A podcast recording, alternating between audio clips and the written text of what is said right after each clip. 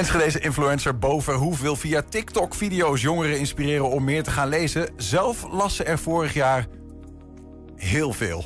Ja, in 2019 kwam er een boek uit genaamd Oei de taart...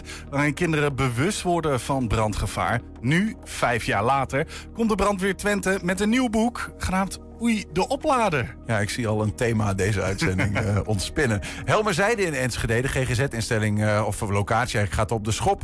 Uh, geestelijke gezondheidszorg wordt daar verleend. Ze ondergaan een grote renovatie. En Henk Gerritsen legt uit wat er precies gaat gebeuren. Ja, bitterballen gemaakt van oesterzwammen. Ja, het klinkt misschien gek, maar ze smaken er niet minder lekker om. De medewerkers van de DCW kweken deze oesterzwammen...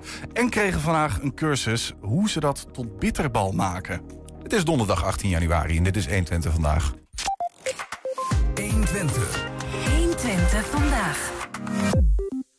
Met haar TikTok-account wil de Enschedeze Bo Verhoef jongeren inspireren om eh, meer te gaan lezen. Het stoffige imago van boeken, dat volgens haar onder andere te maken heeft met de verplichte leeslijsten op school, mag overboord gegooid worden. En ze practiced what ze preached, om het zo maar te zeggen. Vorig jaar las ze zelf maar liefst 100 boeken in één jaar. Bo, welkom.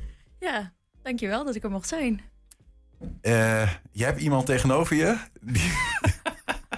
Eh, Niels ja, houdt niet zo van lezen. Ja ik, uh, ja, ik weet niet. Ik heb, dus overtuig me maar 100 boeken. Ik weet echt niet of ik dat... In, daar kom ik in mijn leven gewoon niet aan. 103 zelfs uiteindelijk. ik heb er nog wat extra gelezen. Ja, hoe dan? Ja, hoe niet? Eigenlijk. Ja, eigenlijk wat ik altijd zeg is... Um, waar mensen hun telefoon pakken, daar pak ik mijn boek.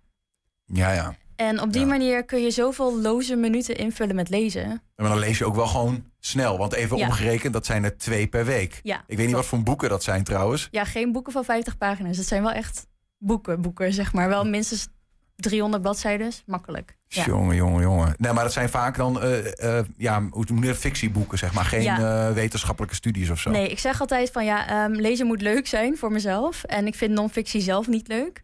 Dus ik wil ook nooit wat leren. Ik wil gewoon mezelf eigenlijk laten verdwijnen in een verhaal. Ja, dus ja. ik lees wel echt eigenlijk alleen fictie. Ja. En dan helpt het voor jou dat, dat je tegenwoordig uh, e-readers hebt, denk ik. Want als je, ja. als je al je boeken mee, overal mee naartoe moet slepen. Ja, dat is niet te doen. Ik heb ook één keer gehad, had ik drie boeken mee naar vakantie. En toen had ik er twee al in het vliegtuig uit. Ja, dan heb je die andere heb je ze nog bij je. En word je dan uh, onrustig toen in dat boekentijdperk nog met fysieke boeken was? Wat gebeurt er dan eigenlijk als je boven hoe zonder boek tegenkomt? Nou, om eerlijk te zijn had ik op mijn veertiende al een e-reader. Dus ja... Je weet het eigenlijk niet. Ik weet het niet. Het is een leuk experiment misschien. Een tv-programma mee maken. Nee, maar echt serieus. Maar is het, is het voor jou ook een verslaving? Stiekem, een beetje? Ik weet niet echt of ik het een verslaving noem. Het is meer vul mijn vrije tijd gewoon anders in. Maar dat zeggen alcoholisten ook, hè? Ja, ja, dat is waar. ja. Dan wil ik dat ook niet meteen met elkaar gaan vergelijken. Nee, nee, nee. nee. Ja. Maar hey, die 100 boeken, was dat een soort van uh, stip... Ja, dat je dacht van, nou, ik ga dit eens doen, een soort van record halen... of is dit gewoon toevallig gebeurd, omdat je gewoon zoveel leest? Nou, ik las er eigenlijk altijd gemiddeld 25 tot 30 per jaar.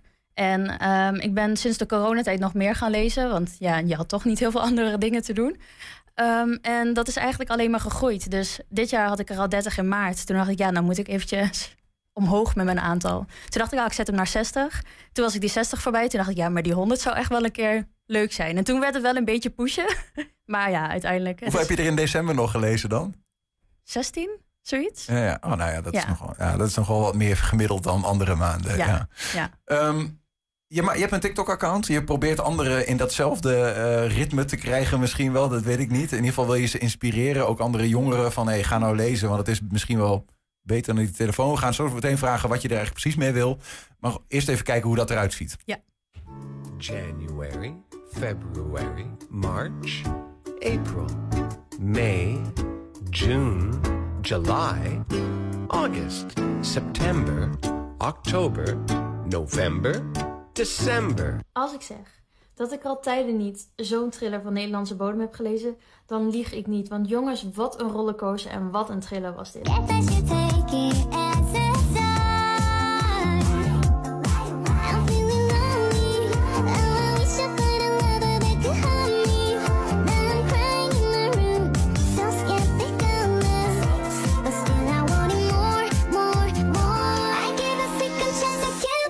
Moment waarop je realiseert dat je geen andere keuze hebt.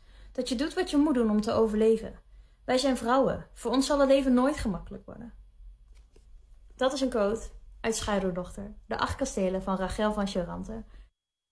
Nou, een kleine greep uit de video's die je daar zo deelt. Ja, wat leuk. Wat wil je hiermee bereiken? Eigenlijk wilde ik nooit iets bereiken hiermee. Ik ben het gewoon begonnen, want het was leuk. Ehm, ik ben in juni ben ik een TikTok-account tegengekomen van een, een boektokker, een meisje eh, uit Nederland. Geweldig, ook dat woord boektokker. Ja, Ja, ja, ze worden wel genoemd, ja. Maar ehm, bepaald Zij- type. Ja. Ja, ja, misschien wel. Ja, maar zij begon een, ehm, een WhatsApp-community met voor, voor boekenliefhebbers. En ze zei: Goh, wil je erin? Kom erin. Dus ik ging erin, gewoon als boekenliefhebber. En uiteindelijk, iedereen was daar actief op social media. En ik dacht, ja, ik wil echt niet met mijn hoofd op social media. Ik ben daar helemaal niet het type voor. En toen zei ze, ja, Bo, doe gewoon. Waarom zou ik het niet doen? Nou, toen ben ik in augustus begonnen en nu zit ik hier. Ja, Snel gegaan. het is heel snel gegaan. Maar werkt het een beetje? Ja, heb je ook het idee, of, of is het je er niet om te doen? Dat je mensen een beetje meekrijgt in eh, het enthousiasme voor het lezen? Ja, zeker wel. En het, je merkt ook wel dat er zijn zoveel verschillende genres en zoveel verschillende boeken. Dus je hebt ook echt wel heel veel ehm, verschillende boeken om te tonen. Maar je kunt ook wel weer met de, ja, mensen over dezelfde boeken hebben. En op, op dat moment, of tenminste, op die manier werkt het wel om je favoriete boeken te promoten. Maar ook door zelf nieuwe boeken te leren kennen. Maar is er ook interactie dan op zo'n medium? In die Ja, zin, eh, zeker. wa- want dit lijkt alsof jij gewoon, eh, ja, jij, jij, jij leest je honderd eh, drie boeken en jij vertelt er af en toe wat over, maar je, er komt ook wat terug en dan geef je weer wat. Ja, mensen stellen natuurlijk vragen. Mensen vragen om tips. Mensen zeggen ook van, oh leuk, dit boek kende ik nog niet. Je krijgt heel veel interactie op TikTok. Ja, zeker. Hoe, hoe kan het nou dat, dat jij zo bent en dat heel veel jongeren, eh, dat is een beetje het verhaal. Ik weet eigenlijk niet wat nu de status is, maar volgens mij was het verhaal dat, dat eerder was er nog wel leeskwaliteit onder het Nederlandse, nou ik zeg kinderen. Ja. Maar het leesplezier eh, staan we echt onderaan de lijstjes. En volgens mij gaat nu ook die leeskwaliteit eh, langzaam achteruit. Ja, klopt. Ja, dat zien we. Ja, dat zie ik zelf ook wel, gewoon in, in het werkveld. Maar eh, het is vooral ook eh, ja, leeskwaliteit, begrijpend lezen en ook schrijven. Eh, alles gaat best wel achteruit, omdat mensen dus minder zijn gaan lezen over de jaren. Omdat het natuurlijk heel veel online is.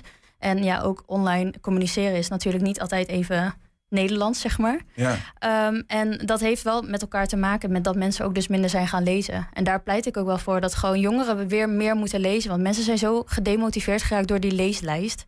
Eh, omdat het heel veel mensen denken dat lezen saai is, vooral jongeren. ja, want dan gaat het om de leeslijst die je op de middelbare school krijgt, Ja. waar je vooral met literatuur te maken krijgt. Ja, Eh, de, de Gouden Eeuw van Geert Mak of eh, het Gouden Ei, om zo, twee dingen die te Ja, noemen. ik zei ook al inderdaad tegen Julian Herman Koch, Jan Siebelink, Jan Terlouw. Gewoon hele, hele mooie boeken, maar niet Mm. voor die doelgroep. Ja. Ja.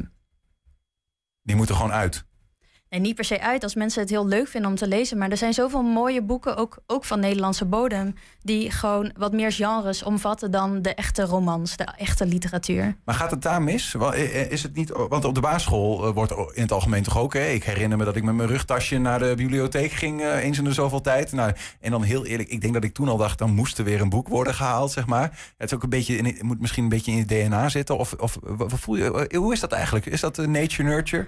Ja ik, vind, het- ja, ik vind het lastig. Ik bedoel, ik heb zelf geen kinderen. Ik zit ook niet meer in de basisschool of middelbare school Nee, eh, omgeving. nee, nee. Maar wat ik vooral heel erg meekrijg is dat mensen gewoon gedemotiveerd zijn geraakt. Omdat mensen dus associëren met saaie verhalen. Of dat mensen zich ook niet kunnen identificeren met de personen in de verhalen. En ik denk, er zijn zoveel boeken die wel meer passen bij de doelgroep van jongeren. Maar die moeten dan wel op de leeslijst worden gezet. Eh, hoe, hoe, ja, ik, ik, ik, ik, ik, ik, lees zelf ook heel graag. En ik heb toen ik, eh, toen ik op school zat, dan werd dat ook wel eens als nerdish eh, eh, beschreven. Hoe, hoe krijg je dat, die, die stempel eraf? Is, is dat iets waar je ook mee bezig bent met dat vraagstuk? Ik denk ook vooral door bijvoorbeeld TikTok, dat is natuurlijk meer een jongere doelgroep platform. Dat als mensen daar gewoon zeg maar mensen zien waarmee zich zij kunnen identificeren, zoals nou, jongere meisjes of inderdaad jongens, eh, die praten over boeken, dan is het van oh ja, misschien moet ik dat ook een keer gaan doen. Maar ik snap wel, ja, als jouw docent zegt je moet meer gaan lezen, ja, dan, dan denk je ja, het is goed met je. Eh, dat ga ik niet doen. Maar als je meer mensen ziet van je eigen leeftijd, dan ja, zien deze doet lezen. En dat werkt natuurlijk bij elke hobby. Maar ehm, ja, ik Ja, denk maar, dat het werkt. Vertel je ook Ja. waarom je dan... ehm, want dat lijkt me... Dat, je, je moet op een manier die jongeren dan ook meenemen in het gevoel dat jij hebt bij een boek. Wa- Waarom jij... Kun je dat uitleggen? Waarom jij er twee per, week kunt lezen? Wat gebeurt er dan? Ja, terwijl een ander zo makkelijk naar die telefoon grijpt en jij naar de e-reader blijkbaar. Ja, het is eigenlijk. ehm, wat heel handig is aan lezen, je kunt jezelf echt verplaatsen. Je kunt je eigen wereld vormen in je hoofd. En ehm, waar natuurlijk eh, online en eh, media en beeld is natuurlijk gewoon al voor je uitgekoud, zeg maar. Dat wordt gewoon een beeld gegeven. En eh, met lezen wordt het meer een creatief proces in je eigen brein. En ik denk dat dat juist gewoon heel erg interessant is, omdat je jezelf echt helemaal kunt ja, verliezen in zo'n verhaal. En je kunt zelf helemaal karakters verzinnen en de wereld verzinnen. En als ze een kasteel omschrijven, kun je dat gewoon helemaal vormgeven, bij wijze van spreken. En misschien dat dat juist interessant is. Maar over het algemeen blijf je boeken lezen omdat het gewoon spannend is. Of omdat je wil weten hoe het afloopt. Of ja, Heb je geen FOMO dat je dingen mist in de wereld? Want ik bedoel, je kunt niet en, en 100 boeken lezen in een jaar... en eh, alles op TikTok en Instagram en weet ik veel wat allemaal bijhouden. ja, dat kan makkelijk. Oh ja? Ja, vooral als je nog geen kinderen hebt, dan heb je natuurlijk heel veel extra tijd. Ja, ja, precies, Ja. ja. Nee, maar op zich, ik ben nog steeds op de hoogte van alles. Ja. ja. Ehm, w- wat is eh, voor jou een, een genre waarvan je zegt... Nou ja, de- ik, daar, dat is mijn, mijn go-to of eh, weet ik veel wat. Of heb jij, eh, ben jij heel breed geïnteresseerd? Ik ben heel breed geïnteresseerd, maar ik neig altijd naar romance en naar thrillers. Of ja, gewoon echt eh, liefdesverhalen. Ehm, maar wel allemaal met een beetje diepgang. Niet dat je zeg maar op bladzijde 1 al weet hoe het helemaal afloopt. Dat is iets minder mijn, ehm, ja, mijn genre. Maar ik vind het vooral met veel plot twist en met ja, Ja, veel ja. verrassingen. Dat, ja, dat zijn meer mijn go-to's. Daar ben ik wel met, je eens. Ik bedoel, de, de boeken die ik heb gelezen, eh, dan moet er wel iets gebeuren, zeg maar. Waar, waar ik zelf dus heel slecht tegen kan, is dat je dan begint en dat er dan een hele, be- ja, een hele lange beschrijving komt van allerlei karakters. Ik geloof dat je dan vooral niet Game of Thrones boeken serie moet lezen. Maar, maar dan denk ik, ja, nou weet ik het wel een keer dat die kamer eh, mintgroen is met de gordijnen van een eh, licht fuchsia roze, weet ik veel wat allemaal. Ja. Hè? Ja, dat is een beetje de Tolkien-manier van schrijven. Echt de Lord of the Rings, eh, zo wordt het Ja. altijd een beetje omschreven. Ja, nee, het moet wel gewoon pakkend zijn. Je moet niet inderdaad eh 3000 verschillende benamingen voor één graspriet hoeven te lezen. Heb je zelf wel eens overwogen een boek te schrijven? Nee, Dat is totaal niet met elkaar. nee eh, dat is totaal niet. Nee. nee. nee, ik heb geen ambities om te schrijven. Nee, ik wil Ik- gewoon lezen. Ik, ik vraag me dan toch nog wel af, jouw, jouw jaar eh, is nu net begonnen. De teller staat weer op nul. Ja. Heb jij een boekentip voor januari? Oh ja, mijn teller staat al op 7 inmiddels. Ja, die, niet meer op nul. Nee, ehm een Wacht even, voor zeven. Ja, We hebben- ja, Wacht even, dat is gewoon één. Dat is één. Jij bent met een missie bezig, hè? nee, Maar ja, zeven is, is één per twee dagen ongeveer, even voor de goede orde. Ja. ja, dat klopt. en dan werk je ook nog gewoon eh, fulltime. ik werk gewoon tussendoor. fulltime. Ja, klopt. Ja. Ja, hou maar op. Ja. Ja. Ik voel alles voelt Ja, mij nee, als een ja, ik- wedstrijd, hè? Nu denk ik, hou er maar mee op. Ik stop Ja. ermee. Ik leg alles zo aan de wilgen. Nee, ik, ik, ik, ik snap dat het heerlijk is eh, om, om te lezen naar de tijd. Maar wat, wat is voor deze maand waarvan je echt denkt... Nou ja, hier eh, de- tip vers van de pers. Ja, maar dit soort vragen vind ik dus heel lastig, want het is zo persoonlijk van wat je leuk vindt. Wij hadden net natuurlijk al over de boeken van Dan Brown. Ja, die zijn fantastisch als je houdt van um, spanning, maar ook ehm, informatie over de geschiedenis, over cultuur, et cetera. Ehm, ja, zelf ben ik echt gek op boekenseries. Dus niet na, dat het na één boek is afgelopen. Harry Potter is mijn all-time favorite, want die serie zit gewoon super goed in elkaar. En ehm, ja, mijn boeken eigenlijk mijn tip voor januari is ga gewoon weer lezen. Pak gewoon weer een boek op. Want ik zeg wel altijd, als je lezen niet leuk vindt, heb je niet het juiste boek. Dat is altijd, ja, dat is mijn, mijn zin. Dat hou ik. Dat op hou ik ieder- op in. iedere lezer past een cover. Dat is echt zo, ja. ja. ja, dat is Daar moet ik even over nadenken. Ja, Maar maakt, mooi. maakt niet uit. Maakt niet Eh, uit. Dus, eh, dus nou ja, goed.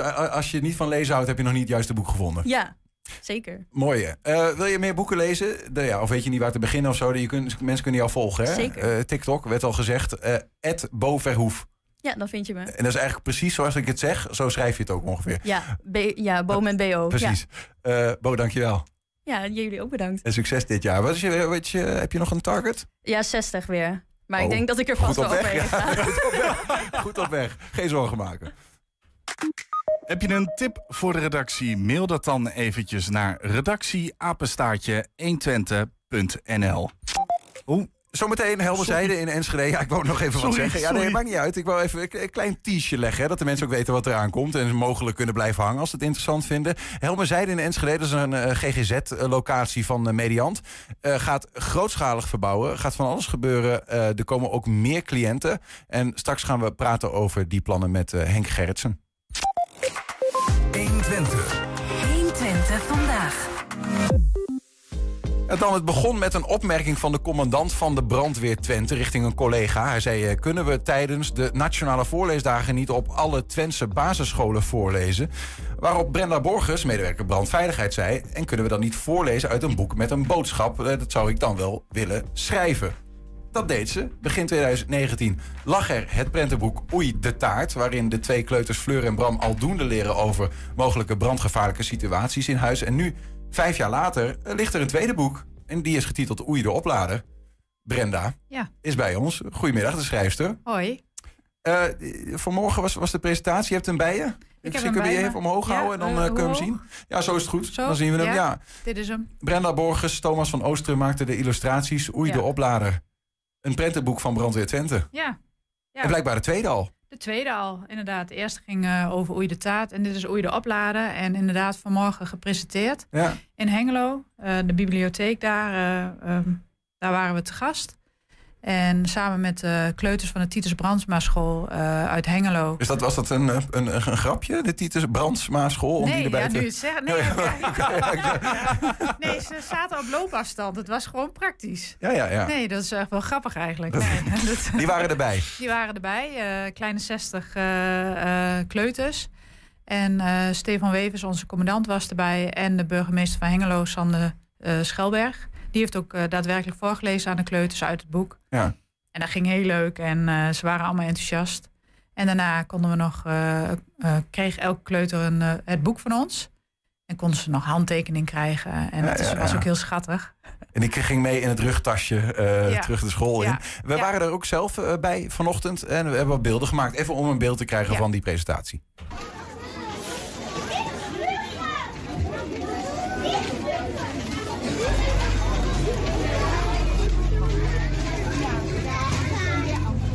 Tijdens het opladen op de zachte bank gelegd. En dat is niet goed, want een bank eh, of een bed, kleed, dat is zacht. Als je daar een apparaat op legt tijdens het laden, Wij zijn begonnen met de voorleesweken. Dus eh, een van onze medewerkers Brenda. Die heeft een eh, boek gemaakt voor, voor de kinderen. En eh, we vanmorgen de aftrap van gehad. Dus het is zeg maar de start van de voorleesweken... waarbij wij op heel veel scholen gaan voorlezen uit een brandweerboek. Wie waren hier vandaag om eh, uit voorgelezen te worden? We hadden eh, van de Titus Brandma school in, eh, in Hengelo hadden wij de kleuterklassen. En nou, die hebben we uitgenodigd. Die heeft, onze burgemeester heeft ze, heeft ze voorgelezen. En ze gaan nu met z'n allen een brandweervoertuig bekijken. Waar ook nog wat educatie bij zit over rookmelders. En hoe vonden de kinderen het vandaag? Ja, fantastisch. Het is altijd, hè, je moet het kort houden voor de kinderen, hè, want de spanningsboog is niet zo heel lang. Dus je moet in een minuut of vijf of tien moet je het ook het verhaal kunnen vertellen. En ze waren rustig, ze hadden goede vragen en eh, het was, eh, was prima. Komt er nog een, eh, een derde boek uit? Want ik hoorde dat dit het tweede boek was. Ja, dat is Oei en Taart. Dat gaat over een taart die in brand vliegt. En dat gaat met name ook over vluchten uit een woning. Dit ging wat meer over opladen van apparatuur. Ja, en ik heb ook al tegen Brenda gezegd, eh, ze zit daar. Ja, twee is niet goed. Er moeten er minimaal drie komen. Dus eh, uitdaging om nog een derde boek te schrijven. Oké, nou die uitdaging staat er in ieder geval. Heb Ja. je daar, ja, nou ja, goed, het is misschien al te vroeg in het gesprek, maar heb je daar al ideeën voor? Nou, nee, ik, heb, eh, ik zit vol met ideeën. Dat is het probleem niet. Maar we dachten, laten we nou eerst dit boek Ja, even... ja, precies. Maar de wereld zit ook vol met gevaren wat dat betreft. Er is genoeg materiaal om over te schrijven. Zeker, zeker. En eh, het moet ook wel passen in eh, kleuterleeftijd. Want we vinden het heel erg leuk om voor te lezen eh, tijdens de Nationale Voorleesdagen. Ehm, is ook goed voor de kinderen om met boeken in aanraking te komen. Dat hebben we net ook al gehoord. Ehm, en ehm, ja, dan kan in zo'n boek kan ook gewoon een brandveilige boodschap zitten. En wij willen ook werken aan een brandveilige generatie. Dus waarom niet beginnen al op een vierjarige leeftijd met die boodschap brengen? Want als je het jong aanleert, ja, eh, eh, brandveilig gedrag jong aangeleerd is oud gedaan. Ja, overigens, de, de kinderen zijn niet de enige die niet helemaal weten hoe het werkt. Hè? Nee. Eh, Ik geloof dat jij eh, eh, een persoonlijke anekdote, dat weet ik niet zeker of die persoonlijk is, maar hebt eh, waaruit blijkt dat ook volwassenen niet helemaal begrijpen wat het Ja. gevaar achter opladers kan zijn. Dat klopt. Ja, ik heb er twee meegenomen. Ja. Eén daarvan is eh, een snoertje. Dit is een oplaadsnoertje. Hier zit wat duct tape. Hier mist het witte ja, hulsel. Ja, En ehm, we zaten in de trein met een aantal collega's. En ehm, Er was een man en die wou daadwerkelijk met dit snoertje zijn telefoon gaan opladen. Van ja, hij doet het nog. Dus, en ik krijg over een tijdje een nieuwe telefoon, dus een nieuw snoertje. Nou, we hebben echt met verbazing staan kijken van hoe kan het? En ehm, toen eh, zeiden wij van, maar meneer, dat kan echt niet. Toen, maar ik wil het wel als ehm, materiaal hebben om te laten zien dat dit niet oké is. Dus we hebben ons eigen snoertje omgewisseld met die van die meneer. En ehm, nou hebben we dus materiaal om te laten zien. Maar het werd echt Dit is wel heel extreem. Ik, zeg, ik heb zelf wel eens een oplader van een, eh, van een laptop gehad... die nou, niet zo eruit zag, maar vaak knikken ze dan inderdaad... zoals deze Ja. ook heeft, bij het oplaadpunt. Bij het prik, inprikpunt. Ja. En eh, ik heb wel eens gehad dat ik hem dus op een gegeven moment in mijn laptop stak... en dat er een serieuze steekvlam Vlam, eh, ja. ontstond. En toen dacht ik ook, oké, nou dit is het moment, om misschien eh, iets anders te gaan halen. Ja. Ehm, eh, eh, wat is precies, want je hebt nog iets meegenomen. Wat is Ja. precies het gevaar dat er dan. Want ik bedoel, dit gaat ook als je hem insteekt, dan, maar dan ben je er zelf bij. Wat, wat is het grootste Ja. gevaar eigenlijk als het gaat om die opladers? Nou, ehm, eigenlijk is de boodschap uit het boek naar de kleuters toe. ehm, als de- het apparaat vol is, dus de accu is vol, ehm, dan de stekker eruit, maar ook echt de adapter eruit, ja? uit het stopcontact. En ehm, ja, laden op een harde ondergrond, zoals een tafel, een aanrechtblad, een, nou, noem het maar op. Maar niet op een bank of een Die anders te eh, warm bed. wordt. Ja, en dan kan die zijn warmte niet kwijt. En gebruik de juiste eh, opladers bij het juiste apparaat. En zoals deze die ik nog mee heb. Dit is een, eh, een, ja, een oplaadstation eigenlijk. Kun je je telefoon en hier je AirPods en hier je smartwatch eh, opladen. Ja? Ehm, en dat gaat met elektrische magnetische golven, Draadloos. draadloos. Eh, alleen hier was een telefoon tegen aangezet. En ik weet niet of het goed zichtbaar is, maar hier zie je een verschroeide plek. Ja? Ehm, dat kwam omdat achter op de telefoon zat een metalen ring, ehm, een plaatje, omdat dat in de kaartkit dan. Beter. eh, ja, kan die op de kaartkit klikken, zeg Ja, maar, ja. met een meta- magnetisch. eh. en omdat dit eigenlijk ja, een soort van inductiewerking heeft dit gegeven. Want dat metalen plaatje hoort niet achter op die telefoon. Dus dit, dit met een gewone telefoon, Ja. dan gaat het goed. het werd Maar gewoon een is kookplaat. het, het werd gewoon feitelijk. een kookplaat. Het is hier gewoon gaan eh, roken en smelten. Maar dan moet toch ook eigenlijk. Ja, dat is toch ook. Is dit een Chinees eh, product? Of is dit gewoon ook. Nee. eh, is CE-keurmerk zit erop? Dus dit kan gewoon Ja, met, met erkend spul. Ja. kan dit helemaal misgaan.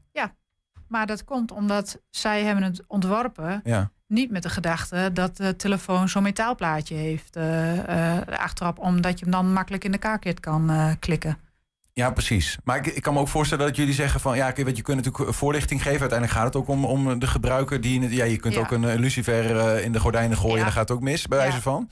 Maar je wilt toch op zijn minst zoveel mogelijk de ehm, omstandigheden... die kunnen leiden tot gevaar elimineren, zeg maar. Ja, maar ehm, in het boek hebben we maar één eh, onderdeel aangepakt. Dat is inderdaad stekker eruit en laden op een eh, harde ondergrond. Ja. Want meer boodschappen, eh, dan, dan gaan ze het niet onthouden. Nee, dus nee. dan, eh, ja. Wat, wat, wat zeggen die, eh, die kinderen dan, zeg maar? eh, ja, heb, heb je het idee dat ze, dat ze die boodschap begrijpen? Denken ze, oh, wat een leuk verhaal over brand.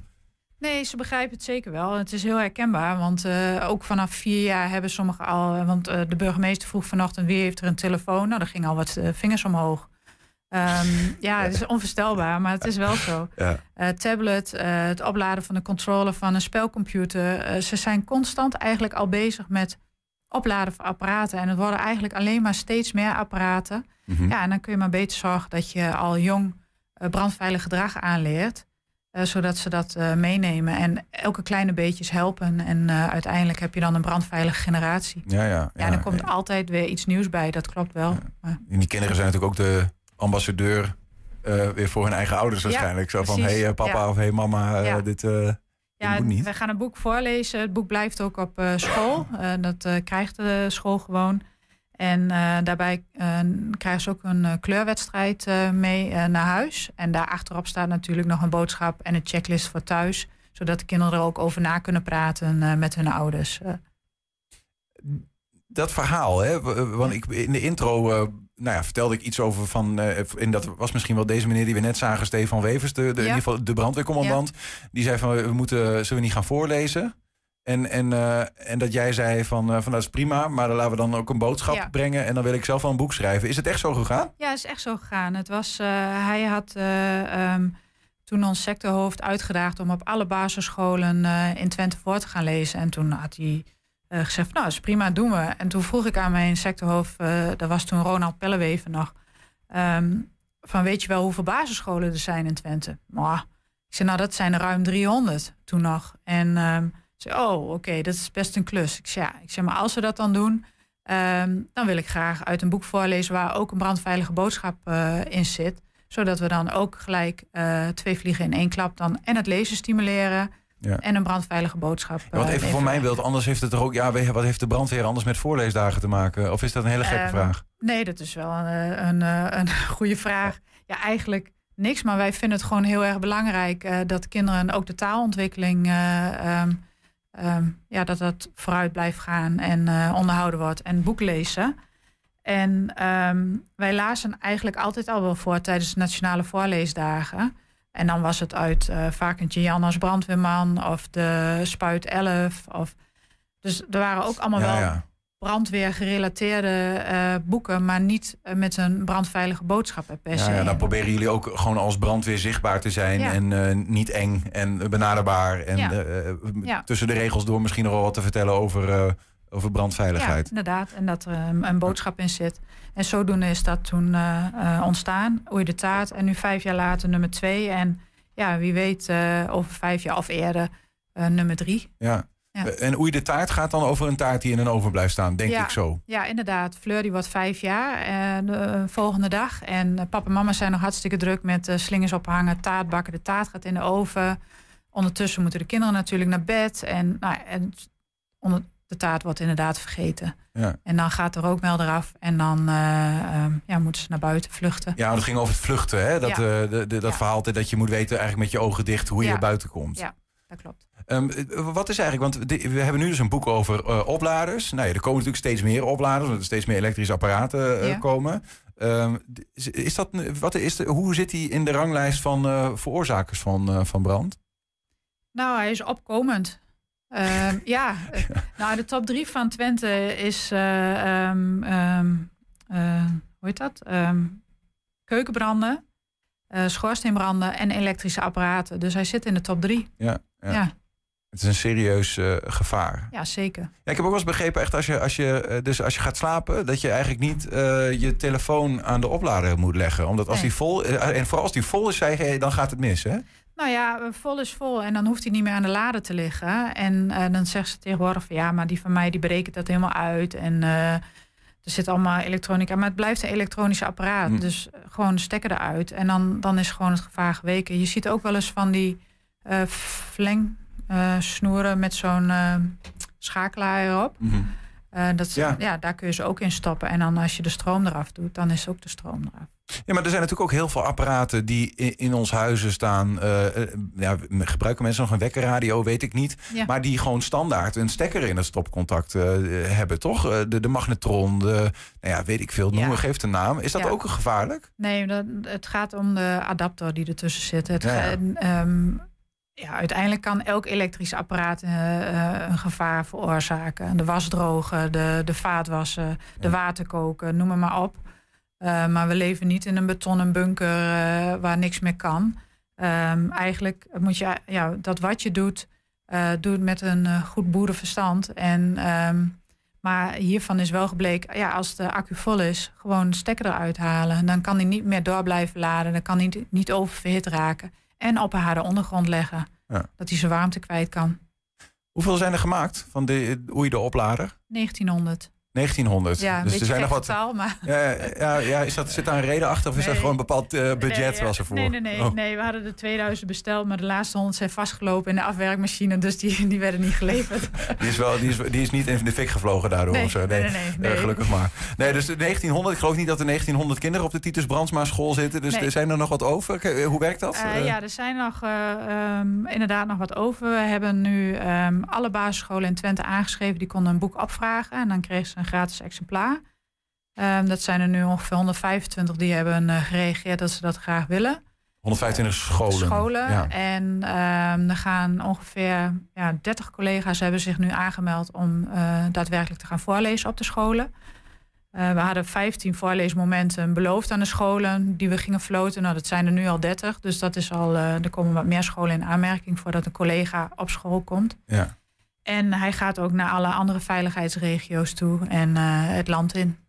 En dan wordt hij daar ook verspreid op diezelfde manier. En jij blijft wel gewoon uh, bij de brandweer uh, werken, Brenda. Dat is niet ja. uh, stiekem een soort van langzame carrière move. Zo'n carrière move, nee, nee, veel te leuk. En dat je dit dan kan combineren, ja. dat is helemaal tof. Dit is gewoon hobby, schrijven. Ja, nou ja, ik had nooit bedacht dat ik een schrijver zou worden uh, of zou zijn. Ik ben ook nog eens hartstikke dyslectisch, dus wat dat betreft uh, uh, dat het überhaupt is gelukt. Ja. nee, maar dit is, dit is hartstikke leuk. Geweldig. Ja.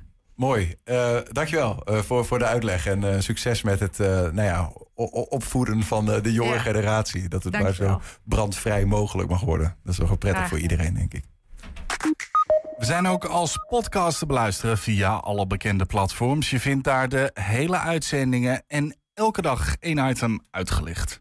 GGZ-locatie Helmerzijde in Enschede wordt grondig verbouwd. We gaan er zo meteen over praten. 120. 120 vandaag.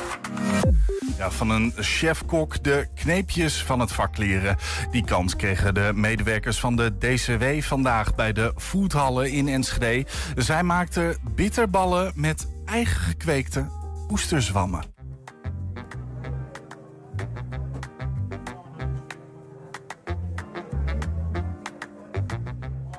De medewerkers uh, hebben um, afstand tot de arbeidsmarkt. En op de werkvloer vaak hebben ze extra begeleiding nodig.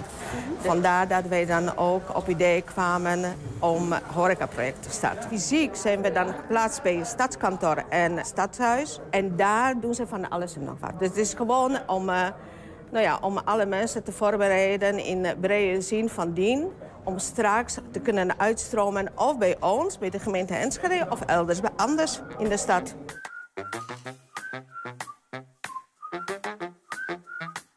Wat is jouw taak dan nu hier? Ik heb nou een beetje gesneden, dus ik weet, verder weet ik, het, uh, weet ik het nog niet. Wat heb je gesneden? Uh, de oesterzwam en de shallot. Zou je zelf ook uh, in de horeca willen werken? dat is wel de planning, ja. Dat ik hier aan meewerk en dat daar daaruit uh, ja, bestellingen komen en dat wij dat uh, voorbereiden en maken voor klanten. Wat vind je dan het leukst om te doen in de, in de keuken? Ja, op het moment doen we nog van alles, is het nog experimenteel. Ja. Dus het is ja, nog een beetje kijken wat, wat het leukste is. Het leukste is om leuk samen te werken ook. En een beetje lol erin te hebben en alles niet te serieus te nemen. Het zijn de recepten van, uh, van jouw restaurant, Joanne. Waar komt dit sociale hart vandaan? Nou, eigenlijk uh, was het al voordat we het restaurant begonnen. Uh, waren we in gesprek geweest om te kijken, hey, kunnen we iets voor elkaar betekenen. Ik ben altijd op zoek naar iets unieks. Dus als ik unieke groenten of unieke producten kan gebruiken zeg maar, in het restaurant... en in combinatie met, een, uh, ja, met, met, met, met iets wat we nu aan het doen zijn... dus met een sociaal aspect, vind ik dat superbelangrijk. En het feit dat top chefkok uit Enschede met zijn sociaal hart gaat hij uh, zo'n workshop verzorgen. En vervolgens uh, draagt hij dan over de recepten die wij straks kunnen gebruiken. Nou, dat is gewoon geweldig. Dus die combinatie vind ik gewoon heel mooi. Zijn het een beetje goede koks? Super goede koks. Er zijn een paar echte toptalenten tussen. Ja, die komen wel in het restaurant te werken? Ik hoop het wel, ja, ja, ja. Heb je wel eens gehad? Bitterbal met oesterzwammen? Geen idee. Ik kan me het niet herinneren. Ik ben over het algemeen niet per se een paddenstoelenliefhebber. Uh, maar een bitterbal klinkt dan wel weer heel goed. Ik ga jou uh, een aanbeveling doen. Je moet het echt gaan proberen. Want het is, het is, je kan het bijna niet onderscheiden van een echte bitterbal. Zo lekker is het. Ah. Ga ik doen. 120. 120 vandaag. GGZ-organisatie Mediant gaat locatie Helmerzijde in de Enschedewijk Helmerhoek grootschalig verbouwen. Veel huidige gebouwen gaan tegen de vlakte. Daar komen nieuwe panden voor terug. Alle specialistische geestelijke gezondheidszorg die nu verspreid over Enschede en Hengelo wordt geleverd, gaat zich daar uh, concentreren. Daarmee wordt ook het aantal cliënten op die locatie uitgebreid. Uh, bij ons om die plannen toe te lichten is, uh, laat ik zeggen, bouwmanager Henk Gerritsen. Henk, goedemiddag. Goedemiddag. Um, een operatie van 60 miljoen begrijpen wij. Ja, dat is een, een, een bedrag wat nu uh, uh, ja, een beetje zo uh, geformuleerd is. Ja. wij weten het nog niet exact, want we moeten onze echte plannen nog gaan maken. Ja, ja. Maar we hebben natuurlijk wel wat onderzoek gedaan van wat gaat dit nou allemaal kosten. En ja, dan kom je wel richting dat soort bedragen uit. Ja, er gaat dan wel heel wat gebeuren in ieder geval. Er gaat heel veel gebeuren. Um, voordat we daarover verder praten, misschien is het goed om even toe te lichten. Helmerzijde, waar, waar hebben we het dan precies over? Wat is dat voor plek? Nou, Helmerzijde is een plek in Enschede van 14 hectare... waar een groot deel van onze organisatie gehuisvest is. Maar we zijn eigenlijk gehuisvest in heel Oost-Twente... Uh, op een vijftigtal locaties, groot en klein. Mediant dan, zeg maar. Mediant. Ja. Uh, het merendeel dus in Enschede-Hengelo. Maar ook uh, van Oortmassum in Noord tot Haaksbergen in Zuid. En aan de westkant richting Almelo. Ja. Dus dat hele gebied is eigenlijk het gebied van Mediant. Ja, precies. En dat is een instelling voor geestelijke gezondheidszorg. Klopt. GGZ. Ja. En, en Helmerzijde is een, is een locatie. Wat gebeurt daar precies in vergelijking met andere plekken in, in Twente? Nou, eigenlijk gebeurt daar uh, veel hetzelfde wat ook op andere plekken in Twente gebeurt. Okay. Uh, daar worden mensen behandeld met een uh, psychische aandoening, psychiatrische aandoening. En, en het kan zijn van heel bazaal simpel tot best wel ingewikkeld. En dus van wat lager specialistisch naar wat hoog specialistisch. Mm -hmm. Beetje vergelijkbaar ook met algemene ziekenhuizen. Je hebt de wat simpelere behandelingen en je hebt wat ingewikkelde behandelingen. En die ingewikkelde behandelingen die doen we vaak in, in Hengelo Enschede in de gebouwen. Die zijn nu nog redelijk versnipperd. En dat is eigenlijk gewoon niet zo handig. A, voor cliënten niet. En B, voor onze medewerkers niet. En voor de organisatie niet. Dus dat, die hoogspecialistische behandeling... die willen we graag concentreren op het terrein van Helmerzijde in Enschede. En we gaan de regio in met de minder complexe behandelingen. En dat willen we doen in een aantal regiocentra. Zoals we daar nu naar kijken. Misschien wel een stuk of vier. En dan moet je denken aan Hengelo, Enschede, maar ook aan omgeving Oldenzaal, omgeving Hof van Twente. Ja. Uh, maar betekent dat ook dat, want er zijn best wel wat, hè, uh, als je, ik weet niet hoeveel je allemaal, als je allemaal bij elkaar optelt, locaties van, van Mediant in ja, de regio, dat die, dat die worden teruggebracht naar wat, wat aantal grotere centra. en dat Helmerzijde gaat voor de speci specialistische zorg. Ja. Moet ik het zo zien? Ja, zo moet je het een beetje zien. En dan hebben we ook nog wat inloopcentra uh, in, in de regio waar mensen gewoon binnen kunnen lopen. Mm uh, de, dus ook dat blijven we gewoon doen. Dus we blijven zeker goed vertegenwoordigd in de regio, ook voor de cliënt daar. Maar de echte specialistische behandeling willen we concentreren op het terrein van Helmerzijde. Ja, en uh, Helmerzijde is ook een plek waar mensen niet soms voor één, twee dagen zitten om even aan hun gebroken been geholpen te worden. Dat kan, hè? Ja, dat kan. En dan in een gebroken psychische been, om het zo te ja. zeggen. Maar ook mensen die echt langere tijd daar ja. nou ja, verblijven om te revalideren, om het zo te zeggen. Ja, dat kan om een paar dagen gaan, een paar weken, een paar maanden, maar ook zelfs wel om een aantal jaren. Ja. Uh, dus alles wat daar uh, is, is daar mogelijk. Um, de, de plannen, dat is goed om eens over, ja. over te praten. Hè? Want er gaat nogal wat uh, gebeuren. Tenminste, hè? dat, is allemaal, dat zijn grove schetsen. Daar, uh, ik weet niet hoeveel rek er nog in zit. Maar we hebben een, een, een afbeelding van uh, hoe het was en hoe het wordt. Die, die zien we daar even in, in de hoek. Oude situatie, nieuwe situatie. Zou, zou je, Henk, nou ja, kunnen uitleggen van wat zijn nou de meest in het oog springende veranderingen? Ja, als eerste moet ik daar even over zeggen dat dit ja. een, een massastudie is. Dus, dus dit uh, moet niet gezien worden als de plattegrond van de nieuwe situatie. Oké. Okay. Uh, we hebben een massastudie uitgevoerd om eigenlijk te onderzoeken of al die vierkante meters die we nu in Enschede en Hengelo hebben, passen die überhaupt op ons terrein en hoe dan? Ja. He, dus dat hebben we gedaan en dat is wat je in het rechterplaatje ziet. In het linkerplaatje is de plattegrond van de, de, het terrein nu. Mhm. Mm -hmm. Rechts uh, staan een aantal vlekken getekend wat gebouwen zijn en daar hebben we van onderzocht, passen die vierkante meters daar allemaal in? Zonder al te veel geweld aan te doen aan die mooie groene omgeving. Dat vinden we ook heel belangrijk. Um, en, en wat we daar zien is dat we dan een, een drietal gebouwen terug zouden moeten bouwen. Mm -hmm. uh, waar al die gebouwen die we nu hebben daarin verzameld zijn. En dat betekent dat we ook wel wat gaan reduceren in vierkante meters. Want als je gaat concentreren, dan levert dat ook wel vierkante meters op. Uh, dus we gaan ook minder vierkante meters terugbouwen dan het totaal aantal vierkante meters wat we nu in de regio hebben. Oké. Okay. Oké, okay. maar, de, de, maar de, want deze plek wordt qua cliëntelen zeg maar uitgebreid. Ja. Uh, maar, maar het aantal vierkante meters wordt per saldo minder. Uh, per saldo als je Hengelo, Enschede en alles bij Ja, precies. Dat. Maar in Helmerzijde wordt het... Uh, in Helmerzijde wordt ja. het wel weer meer. Ja. En, um, en hoe dat precies die gebouwen gepositioneerd worden, dat, dat, dat moeten we nu nog gaan uitvinden. Ja. en dat gaan we ook samen doen met een landschapsarchitect, met architecten en overleg met de gemeente Enschede. Um, maar, maar dit is wel een voorbeeld van hoe het zou kunnen. Ja. Um, overigens, heel even tussendoor. Misschien kan de deur dichter. Misschien iets dichter bij de microfoon. Ik hoor dat hij een beetje okay. uh, stoort. Dan bedoel ik echt, echt een stukje dichter, ja. Um, uh, je hebt al verteld hè, het waarom de, de regio, ja, die jullie wat gaan concentreren. Hier gaat de specialistische zorg naartoe. Overigens ook nog andere soorten zorg bij Helmerzijde. Dat blijft ook gewoon bestaan. De, de ja, wat minder specialistische zorg? Of ja, die gaat dat, allemaal dat, naar elders? Nee, dat blijft, blijft zeker bestaan. Dus er, vindt een beweging plaats de regio in, zeg maar, hè, voor, de, voor de basale zorg. De basis GGZ en de specialistische zorg gaat naar Helmerzijde. Dus daar vindt ook een kleine uitruil plaats. Maar in Enschede gaat ook een regiocentrum gecreëerd worden. En dat niet op het terrein van Helmerzijde, maar wel elders in Enschede. Helmerzijde alleen specialistische, Specialistische zorg. Ja, nou, dus dat, dat is een reden waarom je dan... eh, hè, dan heb je misschien ook wel meer ruimte nodig. Maar er zijn meer redenen, toch? Waarom jullie zeggen... Helmerzijde is gewoon aan een eh, nieuw likje verf toe... en dan heel vrij uitgebreid, zeg maar. Ja, en, en dat likje verf, dat is eh, niet voldoende.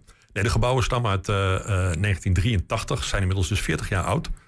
Zijn echt aan het einde van hun levensduur. Eh, niet, niet dat we er nu heel beroerd bij zitten. Op sommige plekken zou het veel beter kunnen. Maar eh, eh, het belangrijkste is, ze zijn niet meer kwalitatief niet meer van deze tijd. Ze zijn ook in gebruikswaarde niet meer van deze tijd. We hebben bijvoorbeeld een kliniek op Helmerzijde... waar de cliënten met z'n achter nog één sanitaire groep delen. Nou, dat, dat, toen het gebouw gebouwd werd, was dat heel normaal. Maar in deze tijd wil je dat niet meer. Je wil dat iedere cliënt zijn eigen sanitair heeft.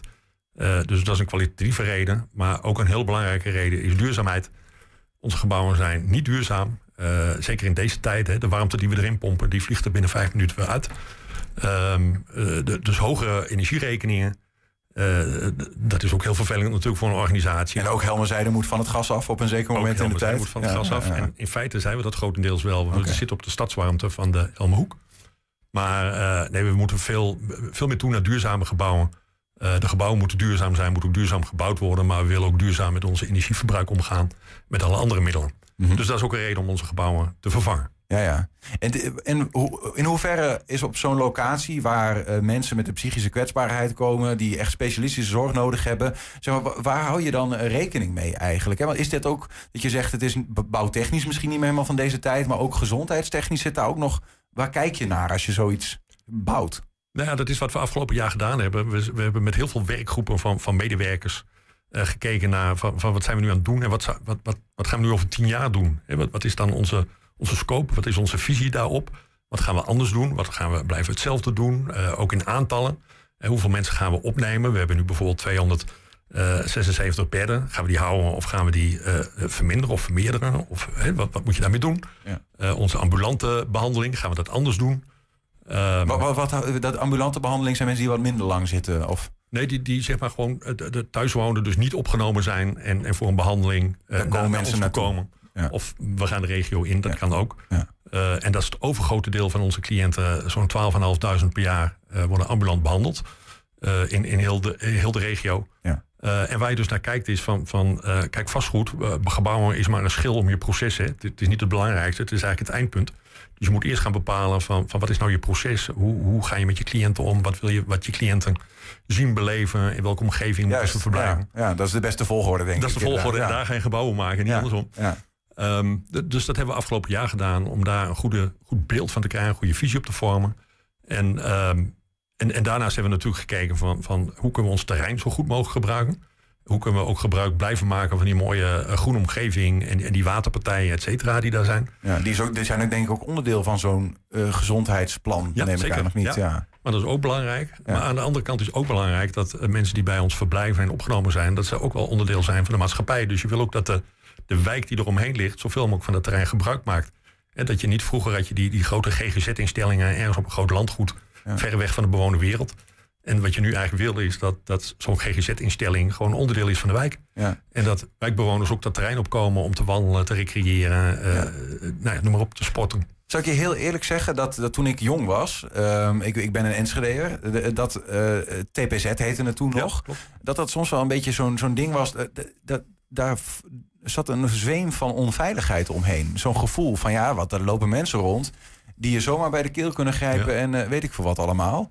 Eh, en daarvan zeggen jullie eigenlijk ook van ja, eigenlijk moet je dat dus helemaal niet. Je moet veel meer eh, die mensen, je- zeg maar de gezonde mensen en de minder gezonde die aan revalidatie werken, moeten gewoon tussen, tussen Ja. elkaar leven. Nou, je, je sprak net over gebroken been, maar in feite is het, eh, of je nou je been breekt of er is mentaal iets met je, eigenlijk is het proces natuurlijk hetzelfde. Ja. Je wil zo snel mogelijk weer beter worden. En, en, en dat doe je niet heel goed, tenzij je daar zelf voor kiest in een hele afgezonderde omgeving, maar gewoon als onderdeel van de maatschappij. Ja. En, eh, en, en dat, dat, dat vooroordeel van eh, een enge omgeving, die horen we vaker. Eh, om, omdat er toch nog een zweem van, van ja, vooroordelen. Ja, misschien denken mensen aan, aan ook TBS-achtige eh, taferelen. Maar het is geen gevangenis waar, waar Zeker jullie in werken bijvoorbeeld. Nee. Nee, en, en TBS'ers hebben wij ook niet. Hè. We, we- we hebben geen TBS'ers. Het zijn mensen met, met psychische problemen. En nou ja, ik, ik werk nu een jaar bij, bij Mediant. En een van de dingen die ik tegenkwam... Ik was ook niet bekend met de psychiatrie. Maar een van de dingen die, die ik tegenkwam was... A, de enorme hoeveelheid mensen die psychische klachten heeft. Dat is één ding. Maar niet ook- afnemend. en niet afnemend. Ja. En, en, eh, en het feit dat jij en ik morgen zomaar eh, patiënt kunnen worden. Om welke reden dan ook.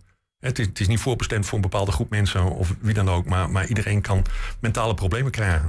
en, eh, en dan ben je heel blij dat je daarvoor behandeld kunt worden. Ehm, eh, gisteren is er aan eh, mensen die in de buurt van, eh van Helmerzijde wonen... in ieder geval de gelegenheid gegeven om informatie op te halen. Daar waren 30 bewoners ongeveer op afgekomen. Ook bewoners die inderdaad dit wel... Hè, van ja, ik vind het soms toch wel een beetje eng. Durf niet naar buiten toe. En dan komen er meer cliënten. Hoe zal dat gaan? Nou, ik hoor jou eigenlijk zeggen... dat is een, een ongegronde angst. Ja, nou ja, kijk, het gevoel van angst kun je bij niemand wegnemen. Hè? Als, als dat gevoel er is, dan is dat er. Ja. Maar het is aan ons om daar zoveel mogelijk uitleg over te geven... waarom dat niet nodig zou moeten zijn. Hè, de- de- het wil niet zeggen dat er op, op Helmenzijde of daar in de omgeving... soms niet wat, wat vreemdige types rondlopen... voor de, hè, voor de gemiddelde burger, inwoner van Enschede. Maar het verhaal van die gaat je bij de keel grijpen... of die gaat iets engs doen, dat is in principe niet aan de orde. Alleen mensen kijken natuurlijk wel naar, naar, naar bepaalde types mensen... En, en, eh, ja, en helaas hebben sommige mensen daar ook wel vooroordelen over. Wat zijn andere reacties? Want ik bedoel, mis- misschien is het ook niet, hè, niet allemaal zorgen of dingen. Wat zijn reacties die je gisteravond hebt gehoord van... Nou ja, het- zijn er maar 30, dus het is een steekproef. Want ik geloof dat de Helmerhoek nogal een wij, grote wijk is. redelijk groot. Maar wat, wat, wat zeggen de mensen van, eh, van de plannen die jullie eh, hier voorstellen? Ja, enerzijds is er heel veel begrip voor het feit dat we nieuw moeten gaan bouwen. Dat, dat, dat begrijpt iedereen, dat gebouwen op zijn, zeg maar. Eh, dat er meer cliënten en dus ook meer medewerkers naartoe komen. Eh, dat is ook niet het grootste probleem. Maar, maar wat dat met zich meebrengt, is natuurlijk wel drukte. En nou ligt uh, Helmerzijde, het trein ligt aan de Broekhunnerring. De Broekhunnerring is al niet de meest eh, fijne weg om nu op te rijden in de spits. Ja. Eh, en dat, Mensen eh, zeggen soms dat ze om 8 uur 's ochtends helemaal vaststaan. Want de scholen Ja. die moeten dan daar bereikt worden in. Helmerhoek. En de, nou ja. Ja, dus het is nog wel eens eh, eh, druk. En, en mensen die de wijk uit willen, moeten soms lang wachten. En die zitten natuurlijk niet te wachten om straks nog langer daar eh, op het kruispunt te staan. Om eh, nog langer te wachten voordat ze de weg op kunnen. Dus dat was gisteravond echt wel een punt van aandacht. Dat mensen zeggen van joh, eh, zorg nou dat, dat die verkeerssituatie ook opgelost wordt. Nou, Ja, er is nu maar één inrit er feitelijk. is nu maar één inrit. En we zitten ook te denken om die inritten te vermeerderen. hè, Om meerdere inritten te maken. Dat geeft al wat minder druk. Maar wat je ook.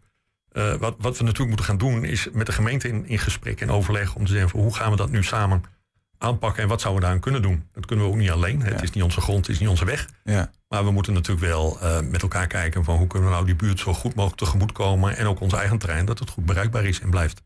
Hoe werkt dat eigenlijk, zo'n samenwerking daarin met gemeenten? Wa- Wat heb je van hen nodig? Kun je zomaar gaan verbouwen op dat terrein? Eh zitten er nog bepaalde vergunningstechnische verplichtingen of bestemmingsplannen en weet ik veel wat je allemaal in de Zit er allemaal aan. hebt? Ja. Ja, nee, maar hoe staat de gemeente er tegenover? Eh, Nee, in beginsel positief. We hebben een enorm goede relatie met de gemeente. We hebben ze ook heel vroegtijdig eh, betrokken bij de, bij, bij de planvorming. En we trekken daar samen in op. Eh, Heel simpel. En, maar de gemeente heeft ook zijn, zijn, zijn, zijn verantwoordelijkheden om dit goed eh, volgens procedures af te wikkelen. En, en daar moeten wij ook mee, mee dealen. En daar hebben we ook alle begrip voor. En, en we hebben goede relatie, goede contacten met de gemeente. Dus we gaan eh, zijn en blijven in gesprek over al dit soort zaken. Over hoe gaat het terrein eruit zien, hoe gaan die gebouwen eruit zien. Ja. Eh, moeten we bestemmingsplannen wijzigen? Eh, hoe gaan we met verkeersmaatregelen om? Dus dat is volop gaande op dit Ja, ja. moment. Nog één ding over de bewoners. Ik begreep ook dat de, de, de gebouwen worden her en der wat hoger. Dat sommige bewoners dachten van oei, hoe hoog worden ze dan? Gaat misschien over een stukje landschapsvervuiling, misschien over een stukje inkijken in de eigen woning. Daar hadden jullie ook nog wel een reactie op, geloof ik. Ja, er was wel een reactie van, van hè, we- als je die gebouwen die nu in Hengelo en Enschede staan naar dat terrein wil brengen. Ja. eh, en je wil niet te veel geweld aan doen aan het groen, dan moet je wat hoger gaan bouwen. Dus we denken aan drie of vier bouwlagen. En nu hebben we maximaal twee bouwlagen. Dus eh, de, de term viel al van flatgebouwen. Nou, ja, we- eh, iedereen is vrij om een gebouw van vier verdiepingen een flatgebouw te noemen. Maar eh, eh, het, het zijn natuurlijk niet enorme hoge gebouwen. Maar eh, ja, ze zijn hoger dan dat ze nu zijn. Eh, aan de andere kant blijven ze wel onder de boomtopgrens. Hè, dat is wel zo'n beetje een, iets waar je zegt van hey, dan valt het maatschappelijk valt het in die, eh, binnen de marges. Eh, maar ja, je kijkt natuurlijk wel tegen andere gebouwen aan. En, ja, en sommige mensen vinden daar iets van en dat mag. Dat, dat is ook wat we juist gisteravond op wilden halen. We zeggen van wat doet u nu met de buurt en wat vindt u er nou van? En, en waar zit nu uw, uw vraag of uw wens of uw probleem? Of Wat dan ook. Dus, dus ehm, nee, alleen maar blij mee dat dat soort reacties dan ook komt. Ja, van hout hè, worden ze allemaal. Uh, Nou, het ja, liefst. het liefst, ja, we willen zo duurzaam mogelijk bouwen. En, en eigenlijk het liefst wel in hout. Dat zou toch wel helemaal fantastisch zijn, dat zou kunnen. Eh, dus daar zijn we nu wel eh, ons op aan het oriënteren. Was wel goed in de omgeving wat dat betreft. Mooi bosrijk gebied. Bosrijk gebied. En ook eh, eh, als je nou hebt over een hele omgeving hè, voor, voor, eh, voor iedereen. Maar zeker met mensen met mentale klachten. Dan is hout wel een hele mooie, eh, heel mooi bouwmateriaal. Ja. Tot slot, eh, Henk, de, de, de, de volgorde van zaken. Hè? Eh, de- daar, ben ik nog wel benieuwd naar. Van wat, wat, wat gaat er nou gebeuren de komende tijd? Maar ook een beetje ehm, in. Nou, ik zocht het even op, Helmer Zijde, eh, verbouwing. En ik kwam zo wat krantenberichten tegen van. Nou ja, 2016, 2018. Er is ook wel wat verspijkerd de afgelopen jaren. Niet alles gaat tegen de vlakte. Nee, er staat bijvoorbeeld een nieuwe HIC, een High Intensive Care, waar, waar zeg maar spoedgevallen opgenomen worden. Eh, die is in 2016 gebouwd en die blijft zeker staan. Eh, we hebben een aantal studio's, 32 studio's gebouwd voor mensen die zeg maar, in de laatste fase van een behandeltraject zitten en dan weer kunnen uitstromen richting nou ja, de woonplek waar ze vandaan kwamen of elders. En eh, die blijven ook staan. En we hebben een gebouw voor senioren, voor ouderen. En dat is de afgelopen drie jaar is dat intensief gerenoveerd. En die blijven dus gewoon staan. En de andere gebouwen die willen we gefaseerd slopen en vervangen door nieuwbouw. Is dat ook hoe, hoe het gaat? Eerst sloop, dan, dan nieuw? Of heb je daar een beeld van? Een grove schets? Je, je moet gefaseerd moet je gaan bouwen. Want eh, eh, zoals we dat zeggen, de winkel blijft open tijdens de verbouwing. Hè. Ja, je kunt niet tegen cliënten Ja. zeggen van goh, nu even twee jaar niet en komt u maar terug als het klaar is. Nee, dan lopen er straks heel veel mensen door de Helmerhoek van... eh, Ja, nee, dat is niet de bedoeling natuurlijk. Dus, dus je moet eerst gaan bouwen om eh, een schuifplan te kunnen maken. hè. Dan schuif je van A naar B en dat wat dan leeg komt, ga je weer slopen en daar ga je weer bouwen. En, dus dat is ook wel een hele legpuzzel om die goed eh, in te richten. Ja. Eh, wanneer gaat de schop in de grond? Of is dat een te directe vraag? Er is geen te directe vraag. Wat ons betreft ma- mag dat best wel snel en zou dat best wel eind dit jaar, begin volgend jaar mogen zijn met de eerste fase. Mhm. We hebben een eerste fase geprojecteerd van 48 appartementjes. En eh, eh, dus nog een redelijk kleine omvang. Dat is dus 48 appartementjes erbij, Erbij. en dan En- en- 48 en eraf. En, Ja. en ja, precies. Ja. En eh, nou ja, wat ons betreft mag dat, eh, als dat allemaal past in de, in de, in de vergunningstraject, m- zou dat eind dit jaar wel van start mogen. Maar misschien ben ik dan te optimistisch. Wanneer is het klaar?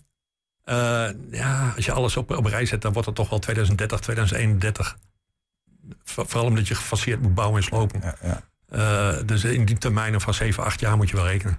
Tijd gaat sneller dan je denkt. Dus eh, eh, succes eh, met, met, met de plannen, maar ook met het eh, meenemen van omwonenden. En, eh, Ja, dat blijven nou we doen. Ja. Met name ook met eh, nou ja, de gezondheidszorg die jullie daar elke dag leveren. Henk Gerritsen.